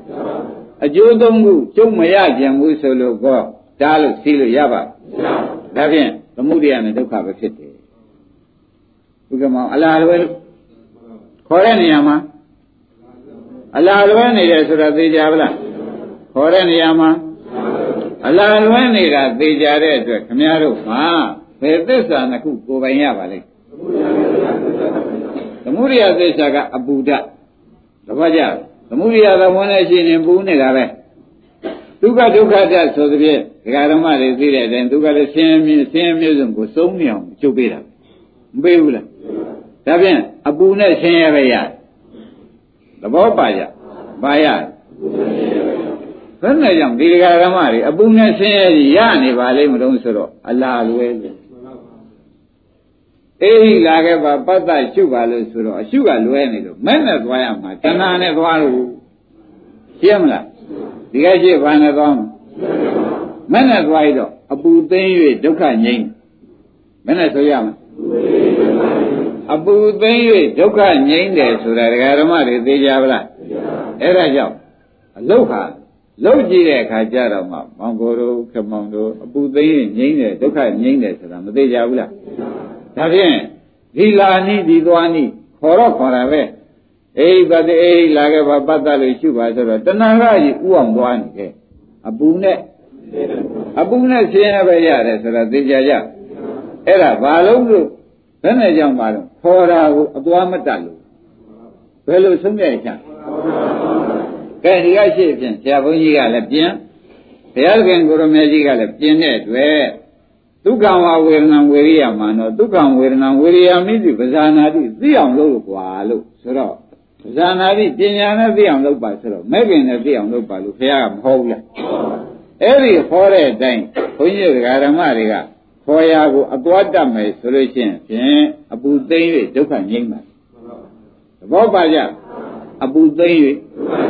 အပူသိမ့်ဆိုတာတော့သမုဒိယသစ္စာရှင်းမလားအပူသိမ့်၍ခေါ်ရာကိုသွားရတဲ့တွေ့ရှင်းကြပါလားဘယ်ဘယ်နဲ့လဲခေါ်ရာကိုသွားရတဲ့အတွက်အပူသိမ့်၍ဒုက္ခငြိမ်းတာ ခင်ဗျားတို့ရှိတယ်အပူသိမ့်တာပါဒကာဓမ္မတို့သဘောကျခင်ဗျားတို့ရှိရင်မက္ခင်နဲ့ဒီသွားလိုက်တာကိုမက္ခင်နဲ့သွားလိုက်တဲ့အတွက်အပူသိမ့်၍ပါတော့ဒါဖြင့်အပူသိမ့်၍ဒုက္ခငြိမ်းတယ်ဆိုသဖြင့်ဒကာဓမ္မတို့ခင်ဗျားတို့ရထားတဲ့ဓမ္မဂုံတော်ရွတ်ကြည့်သေချာပေါ်ပါလိမ့်မယ်အကာလိကောတန်လေးကောပြီးတော့ဥက္ကမောပါလာကဲအပူသိမ့်တာက ဒကာဓမ္မတွေအခါမနဲ့အကျိုးပေးလိုက်တာအပူသိမ့်မသိမ့်သေးဘူးလားအခါများချသေးလားဒါပြန်အကာလိကောကမကြိုက်ဘူးလားဒုက္ခသိမ့်တော့လည်းအကာလိကောကမကြဘူးလားဒါပြန်ဒကာဓမ္မတို့အိပတိကောခေါ်ရကိုတန်ဋိဋ္ဌိကောနဲ့လိုက်လို့ရှင်အကာလိကောဆိုတဲ့အပူသိမ့်ရဲ့ဒုက္ခငြိမ်းပါလေဟောကြပါလားအပူသိမ့်ရဲ့အဲ့ဒါပါဆိုကြမ လားသိပြီချာချာမှတ်ပါဒကာဓမ္မတို့ရထားတဲ့ပါဠိကိုရှင်းပေးတာပါဥက္ကမောင်ပါရှင်းပေးပါလေနောက်ကဒကာဓမ္မတွေရှင်းလိုက်တော့ခမည်းတော်ကိုယ်ရမှာရှင်းတာလားရှေ့ရင်ရှင်းတာလားသိထားသလားဟုတ်ကောဟုတ်ပါရဲ့လားပရိစ္ဆေသမုပ္ပါဆက်နိုင်လေရဲ့လားမဆက်နိုင်တာသေသေးချာချာခမည်းတော်သိရတဲ့တွေ့တဲ့ဩဒီတရားဒီကားလို့ရှင်တေဖုတ္တမလားဒါဖြင့် ဒီဘက်ကအိပတိကောခေါ်ရာကိုပန္တိတိကောနဲ့လိုက်လို့ရှိရင်ဖြင့်အကာလိကောဆိုတဲ့အပူသိမ်းအခါမနဲ့အကျိုးပေးတဲ့အပူသိမ်း၍ဒုက္ခငြိမ်းတာဟာတို့ဆူတောင်းရတာလားခေါ်ရာကိုလိုက်တတ်တာနဲ့ကိစ္စပြီးသွားတာလားခေါ်ရာကိုလိုက်တတ်တာနဲ့ကိစ္စပြီးသွားတာကိုဓမ္မတို့သူများပြောလားမျက်မြင်လားဒါဖြင့်မျက်မြင်လို့ပြန်လှုပ်တယ်မလှုပ်တယ်ဖောင်ရောဖြစ်ပါလား ငါလုံးဖောင်သေးကြပါလားငါလုံးဖောင်ဆိုလို့ရှိရင်ပဲလူတယောက်ကတော့ဖြင့်မြုပ်ချင်းမျောချင်းလမ်းကိုလွတ်ပါလေရှင်းကြပါလားငါလုံးပေါင်းကိုကိုယ်ပိုင်ရရင်မမြုပ်ချင်းမျောချင်းပဲနဲ့နေတော့မြုပ်ချင်းမျောချင်းလွတ်နိုင်ပါလေအထက်ဆံသွားတယ်ဆိုတော့သူ့တည်သေးချာမရောက်ဘူးလားအဲ့ဒါဒီတရားဓမ္မတွေကိုယခုဒုက္ခဝေဒနာတလုံးကိုဖြစ်တဲ့ရှုတာကိုဟောရသဖြင့်တဲ့ဘုန်းကြီးကအများကြီးကျင့်တတ်ပါတယ်။ ဘာကြောင့်ကျင့်တတ်ပါလိမ့်မလို့ဆိုတော့ခင်ဗျားတို့မျက်မြင်ပြပြီးဒီကလာသူ့ပါဠိတော်နဲ့တလုံးမှမလွဲမကိုလွဲသေးလား။အကျိုးပေးကလည်းချချက်ချင်းကျိုးဝဲတယ်ဆိုတာလဲရှောင်ရှားနေလို့ရသေးရဲ့ဒါဖြင့်ဒီလောက်ဒီကားလို့ဆိုရင်တရားဓမ္မတို့ခொနဲ့ကပထမကချီးခဲ့ငါးလုံးပေါင်းမှမရှိရင်လည်းမျိုးရင်နဲ့မျိုးရုပ်ပဲရေတွေကတိုက်ချသွားမှာမဟုတ်လားငါးလုံးပေါင်းမရှိရင်လည်းမျိုးရုံနဲ့မျိုးရုံပဲဆိုတာသိကြပါလား ကိုင်းတရားဓမ္မတို့ဒါလေးမှမရှိရင်ခမည်းတော်ဩငါသေးရင်ဘာဖြစ်မှာတုံးလို့မတွေးပါနဲ့တော့သဘောကျငါသေးရင်ဘာဖြစ်မှာတုံးလို့မတွေးနဲ့မြုပ်သမားမျောသမားသေးကြရဟိရှင်းကြပါလားဘာသေးကြပါလိမ့်သဘောပါကြဒါဖြင့်မမရတရားဓမ္မတို့နိုင်ကလည်းအမှန်တန်သိလွယ်တယ်ကဲဒါဖြင့်ခေါ်တဲ့တရားကဘာလဲဝါရမယ်တရားက ကိုကိုယ်တန်တာမှာအပူငိမ့်တာဒုက္ခသိမ့်တာကဘာလဲကဲတရားဓမ္မတို့ကအလိုက်ကောင်းတော့မှန်နေတယ်ဆိုတာကိုသိကြကြဘာသံခဲ့ရှိဖို့လိုသေးလဲအဲ့ဒါသေးသေးချာချာပတ်တော့မှာဩတို့ဒီကားလို့ဆက်လက်ရှင်ဖြင့်တရားကုံတော်6ပါးထဲမှာတို့အလုစင်ပါနေပါလားဆိုတာလေဥက္ကမောင်ကြီးတခြားကရှားတာလားတရားကုံတော်ထဲပါပြီးသားလား တရားကုံတော်ထဲပါပြီးသားဖြစ်နေတဲ့တွေ့အောင်ကိုတို့လူစုခမောင်တို့လူစုဘာပူဇော်ရှိသေးတယ်ကျုပ်ပြင်ဗျာအပယ်သွားမှသိကြောက်တာပဲဖတ်တာလုပ်လိုက်ဆိုတော့အပယ်သွားမှတရားသုံးခုမသေးဘူးလားသိတယ်သနာဥပါဒံကံမသေးဘူးလားဒါဖြင့်ကျုပ်ပယ်သွားမှကြောက်လို့ရှိရင်ဒါလုပ်ရုံပဲသဘောကျဒါဖြင့်ဒကာဓမ္မတို့ဖောင်ပယ်နှစ်ခုယနေ့သင်ပြပါလိမ့်အဲဖောင် သင်ပြတယ်ဆိုတော့ဒီနေ့ဒုက္ခဝေဒနာတစ်လုံးနဲ့ပဲတော့ကြာသွားတယ်ကြာရင်ကြာပဲဒီဒကာဓမ္မတို့နားလည်မှုရှေ့ရှုဟောနေရတာနော်ကဲဒါဖြင့်ဒုက္ခဝေဒနာပါဒါကကိုယ်ပေါ်မှာပေါ်တယ်လို့မှိုက်တာပေါ့နော်သောမနကဝေဒနာဆိုတော့ဝမ်းပါတယ်ဆိုတော့ဝမ်းနဲ့ကမသာဘူးလားအဲ့ဒီဝမ်းနဲ့ကသာပြန်လို့ရှိရင်လည်းသောမနကဝေဒနာကသူ့မရှိပဲထားလို့ရှိရင်လည်းခொနဲ့ကပြောခဲ့တယ်တဏှာဥပါဒံကံလိုက်ဦးမှာမလိုက်ပဲ အဲ့ဒီပြစ္ဆုတ်ကံကြောင်းသုံးခုလာလို့ရှိရင်အနာဂတ်ကျိုးသုံးခုကဟောဗလာဘူးလားလားဇာတိဇရာမရဏမလာပဲဘူးလားသောမနကဝေဒနာကိုမရှိမိဘဲနဲ့ဝါဒုက္ခဝေဒနာမရှိမိပဲနဲ့ဒုက္ခသောမနတာရှင်းဟောတာအတူတူပဲနိဗ္ဗာန်ရောက်လိမ့်မယ်လို့ငါဖရာဒီဒုက္ခခတ်သိငြိမ်းတဲ့နိဗ္ဗာန်ရောက်လိမ့်မယ်လို့မဟောဘူးဆိုတာမရှိရင်တရားဓမ္မတွေဒါတွေပဲလားမလားဘူးလားမရှိရင်တဏှာ ကံဒီဘက်ကဘယ်လိုပုဂ္ဂိုလ်လာပါလိမ့်တရားဓမ္မအဲမရှိတဲ့ပုဂ္ဂိုလ်ဆိုတော့တရားဓမ္မတွေသတိပေးလိုက်ပါလေအိပတိကောခေါ်ရဘူးတန်တိတိကောနဲ့မှန်မှန်မလိုက်သဘောကျအဂါလိကောဆိုတော့အကျိုးပေးခွင့်ခံစားရသေးရဲ့တဲ့လဲဆုံးရှုံးသွားပါလားအမှန်မနဲ့နာဘူးလားဒါကြောင့်တရားဓမ္မတို့ဝဏ္ဏသောမနသာလာလဲဖြစ်ဖြစ်ရှိပါ သောမနသာလာလဲဒါရင်ဖြစ်ဖြစ်ရှိလိုက်တဲ့အခါကျတော့တရားဓမ္မတွေဒီမဲ့ငါးခုကအရင်တိုင်းပြန်ဝင်မယ်မဝင်မေဘူးလားဖြစ်ဖြစ်ရှိလိုက်တော့မဲ့ဝင်မလာဘူးလားသမာဓိသမာသင်္ကပ္ပသမာဝါယမသမာဓိသမာသမာဓိဆိုရဲမဲ့ငါးခုဝင်မလာဘူးလားမဂ္ဂင်၅ခုဒီကားလို့ဆိုလို့ရှိရင်ဖြင့်အိပတိကောခေါ်ရကိုတန်ဋိတိကောနဲ့လိုက်တဲ့တွေ့ဒကာဓမ္မတို့ဒီသမှုရိယ၃ခုချုပ်မချုပ်သူချုပ်ပေါ့ဒီဘက်ကဒုက္ခ၃ခုပေါ့ ဒါပြန်အကာလီကောဟုတ်မဟုတ်ဒီဘက်ကလည်းအကာလီကောဟုတ်မဟုတ်ဒါပြန်ဒကာဓမ္မတို့ခင်ဗျားတို့ဘုရားရှိခိုးပြီးဒီကာလဩဒီပါဠိတော်ပြန်ဘုရားရှိခိုးတဲ့လူပေါင်းပါဖြင့်မပါဘူးလို့ဆိုတဲ့ပုဂ္ဂိုလ်ရှားပါလို့ဆရာရှိကိုယ်တိုင်သန္တိကောအကာလိကောအိပတိကောဆိုတာတော့မပါတဲ့ပုဂ္ဂိုလ်တော့ရှားမရှားပဲအဲ့တော့ဟောတို့ဆရာဘုန်းကြီးက ဒီဥစ္စာအလုတ်ကွန်သွန်းပါအောင်ဆိုပြီးဘုရားရှိခိုးပြီးကဲအိပတိကောခေါ်ရကိုသန္တိကောလိုက်ဦးမယ်လို့ခမည်းတော်ဘုရားရှိခိုးပြီးဒီအလုံးနဲ့လိုက်ဦးမယ်ဆိုပြီးဒီကလာဒီစိတ်ကလေးပြောင်းကြပါ။ဟောကိုပြောင်းတယ်မပြောင်းတယ်။ဘုရားရှိခိုးလည်းတော့ပါသွားပြီပါသောပြီးဒီကလာဒုစ္စာအယုဘဓမ္မနုပ္ပိတာပါသောပြီးဒီကလာသမထသာပါသောပြီးတို့ဝိပဿနာမပါသေးပါလားလို့ဆိုတာကမသေးကြဘူးလား ဒီအိပတိကောပါဏိကောပိသံဝိဒဝိညူဤတရားကုံတော်တွေရှိခိုးပါ၏ဆိုတော့ဓမ္မနုပ္ပိဖြစ်ဘူးလားအဲ့ဒါကသမထလားဥပဒနာလားသမထပါပဲဒါသမထလည်းပွန်းလို့သမထဖြစ်ရတာအစစ်ကြီးတောင်မဟုတ်သေးဘူးအဲ့ဒီသမထဘေးသမထနဲ့လည်းကိစ္စပြီးနိုင်ပါသလားလို့မေးတော့ဘယ်နဲ့ဖြေကြဒါဖြင့်တို့ရွတ်တော့ရွတ်ပြီးပြီဟေ့ရှစ်တော့ရှစ်ခိုးပြီးပြီဟေ့ရှစ်ခိုးပြီးတဲ့နောက်ငါဒီကားလို့ရှင်ပြန်ဝိပဿနာ အလုတ်လုံးမှပဲဒီပါဠိတော်အတိုင်းဥပဒနာလုံးမှပဲဆိုပြီးဒီကလာလောက်ကြမယ်ဆိုရင်ဖြင့်ခန္ဓာကိုယ်ထဲပေါ်တဲ့ဝေဒနာတွေကဒကာဓမ္မတွေသိရိပတ္တိကောသဘောကျခန္ဓာထဲပေါ်တဲ့ဝေဒနာတွေကမဲ့ခင်ကအဲမဲ့ခင်ကသံဃိတိကောနဲ့လိုက်သဘောကျဒါရင်အိရိပတ္တိကောခေါ်ရကို ဗန္ဓိတိကောနဲ့လိုက်လို့ရှိရင်ဖြင့်ဗာများကျေစုခံစားရကြုံမေးမနဲ့ခေကြအာကာလိကောဆိုတော့ဟောဒီသမုဒိယနဲ့ဒုက္ခချုပ်မချုပ်ဘူးလားဒီသမုဒိယနဲ့ဒီဒုက္ခချုပ်တယ်ဆိုတာသိကြကြဒါကြောင့်ကိုယ်ဘောဒုက္ခပေါ်လဲဖြစ်ဖြစ်ရှိပါဝန်တဲ့ကောင်းမှဝန်နဲ့ဝန်ပါတဲ့တရားပေါ်လာရင်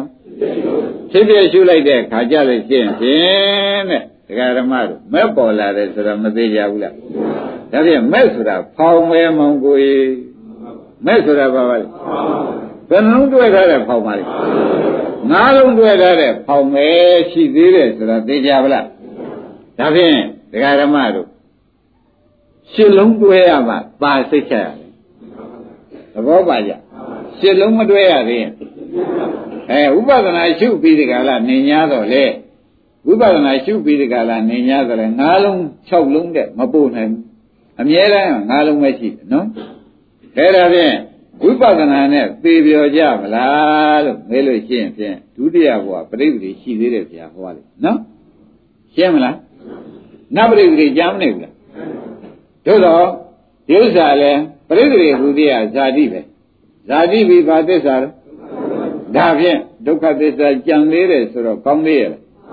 မကောင်းတဲ့ခါကျတော့ရှင်းဖြင့် ရှစ်ပါးဖြစ်အောင်လုပ်ဖို့အရေးဟာရှစ်တို့မကြံလားဗျ။ဒါကြရင်ရှစ်ပါးဖြစ်အောင်ဘယ်လိုလုပ်ရမှာတော့လို့မေးတဲ့အခါကျတော့ဘုရားခင်ကရမေကြီးကဝေဒနာတန်ရုံမှာဘယ်လိုဟောလိုက်တုံးဆိုသောဝေဒနာပရိညာယဒိဋ္ဌိရမေအနာသဝအနာသောကာယကဝေဒဓမ္မထောသင်္ချံနောပိတိဝေရကူဆိုပြီးကြလားဒီပါဠိတော်ဘုရားဟောလိုက်ဟောဒီဝေဒနာကိုခင်ဗျားတို့ ဝေဒနာလေးကဖြစ်တာလဲဒုက္ခပဲပြစ်တာလဲဒုက္ခပဲလို့ပိုင်နေနေနေသိအောင်လုပ်စမ်းဖြစ်တာလဲပြစ်တာလဲပိုင်နေနေနေသိအောင်လုပ်စမ်းပါလေသောထောဝေဒနာကံလမ်းကိုရှိတဲ့ပုဂ္ဂိုလ်ဒီဝေဒနာယဝေဒနာကိုပရိညာယပိုင်နိုင်နိုင်နိုင်သိခဲ့သည်ရှိတော့ဝါဖြစ်တာလဲဒုက္ခပဲ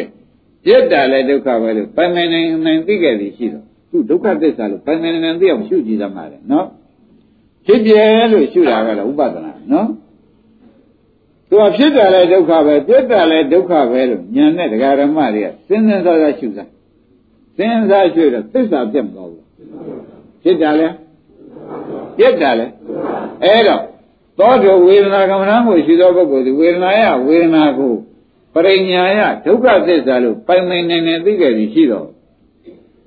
ဒိဋ္ဌိဓမေအနာကဝဒိဋ္ဌိဓမေယခုခ မည်းတော်ရှုတဲ့ခဏ၌အနာသွားအာသောကင်းတယ်ဆိုတော့ဟောဒီဒကာဓမ္မတို့တဏှာဆိုတဲ့ကာမသွားလာသေးရဲ့တဏှာနဲ့တွဲနေတဲ့ဒိဋ္ဌာသွားကိုတဏှာနဲ့သာဇာတာဖြစ်နေတဲ့အဝိဇ္ဇာသွားကိုကဲလာအာသွားလာသေးရဲ့ဒါတွေသမှုရိယာတွေကအာသွားတွေပဲမောင်ကိုတို့ဥက္ကမောင်တို့ဒီအာသွားတွေလာသေးရဲ့ဒိဋ္ဌိဓမေနာသွားတဲ့ဟောဒီကဒုက္ခသစ္စာလည်းပိုင်ပိုင်နေနေသိပါရောမဲ့ခင်ကရှင်းပါသွားဖြစ်ရှင်းပါသွားပြီတော့ဒီအာသွားတွေလာသေးရဲ့ ဒီဘက်ကတွေကလာနိုင်နေအာသွားရှိမှဒုက္ခတွေလာမှာကိုဒိဋ္ဌိမေနာသွားရှင်းကြပါလားကာယတဗေဒဓမ္မထောတယ်ခင်ဗျားတို့သိပါတဲ့ဒီမဂ္ဂင်7ပါးပြည့်စုံပြီးတဲ့ကာလခင်ဗျားတို့ကာယတခန္ဓာကိုယ်ဗေဒပြည့်သောအခါကာလ၌ဓမ္မထောနိဗ္ဗာန်၌တည်သည်ဟောတိဖြစ်ဒါရင်တခုမှမလာတော့ဘူးလာပါဦးမလားဒါဖြင့်ဒီဘက်သမှုတရားလည်းချုပ်ဒုက္ခလည်းချုပ်တာဘာခေါ်ရ ဟောကာယတခန္ဓာကိုယ်ဘေရာပြတ်သောခန္ဓာဓမ္မထောနိဗ္ဗာန်၌တည်သည်ဟောတိဖြစ်ဒီဘက်သမှုရိယဒုက္ခချုပ်တဲ့နိဗ္ဗာန်ရောက်တော့တာပါပဲတဲ့မရောက်မရှိပါဘူးဒါကိုပိုင်ပိုင်နေနေသိဖို့အရေးကြီးပါဖြစ်ဒုက္ခပြည့်ဒုက္ခလို့ပိုင်ပိုင်နေနေသိဖို့အရေးကြီးပါတယ်သဘောကျလားဒါဖြင့်ဒကာရမတို့ဒုက္ခသစ္စာပိုင်ပိုင်နေနေသိခဲ့ပြီရှိတော့အာသောတရားပဲနေတယ်အာသောတရားကုန်တယ်ဆိုတာသိကြကြ ကာယတဗေဒကာယတယခုဘဝရှုပြီးလို့ဗေဒသေသောကာလနဲ့ဓမ္မထောနိဗ္ဗာန်၌တည်သည်ဟောတိရှိဒီဘက်ကသမုဒိယဒုက္ခတွေမချုပ်သေးဘူးလားအဲ့ဒါဘာသစ္စာခေါ်ကြနိရောဓသစ္စာလို့မခေါ်နိုင်ဘူးလားဒါနိဗ္ဗာန်တည်တာမဟုတ်သေးဘူးလားဒါဖြင့်ဒကာဓမ္မတို့ဒီဥစ္စာဒုက္ခသစ္စာလို့ပိုင်ပိုင်နေနေသိအောင်ကြအောင်ခင်ဗျားတို့ရှုပေးပါသဘောပါလားနိုင်ရရှိသွားတယ်ယနေ့ဒီရင်တော်ရအောင်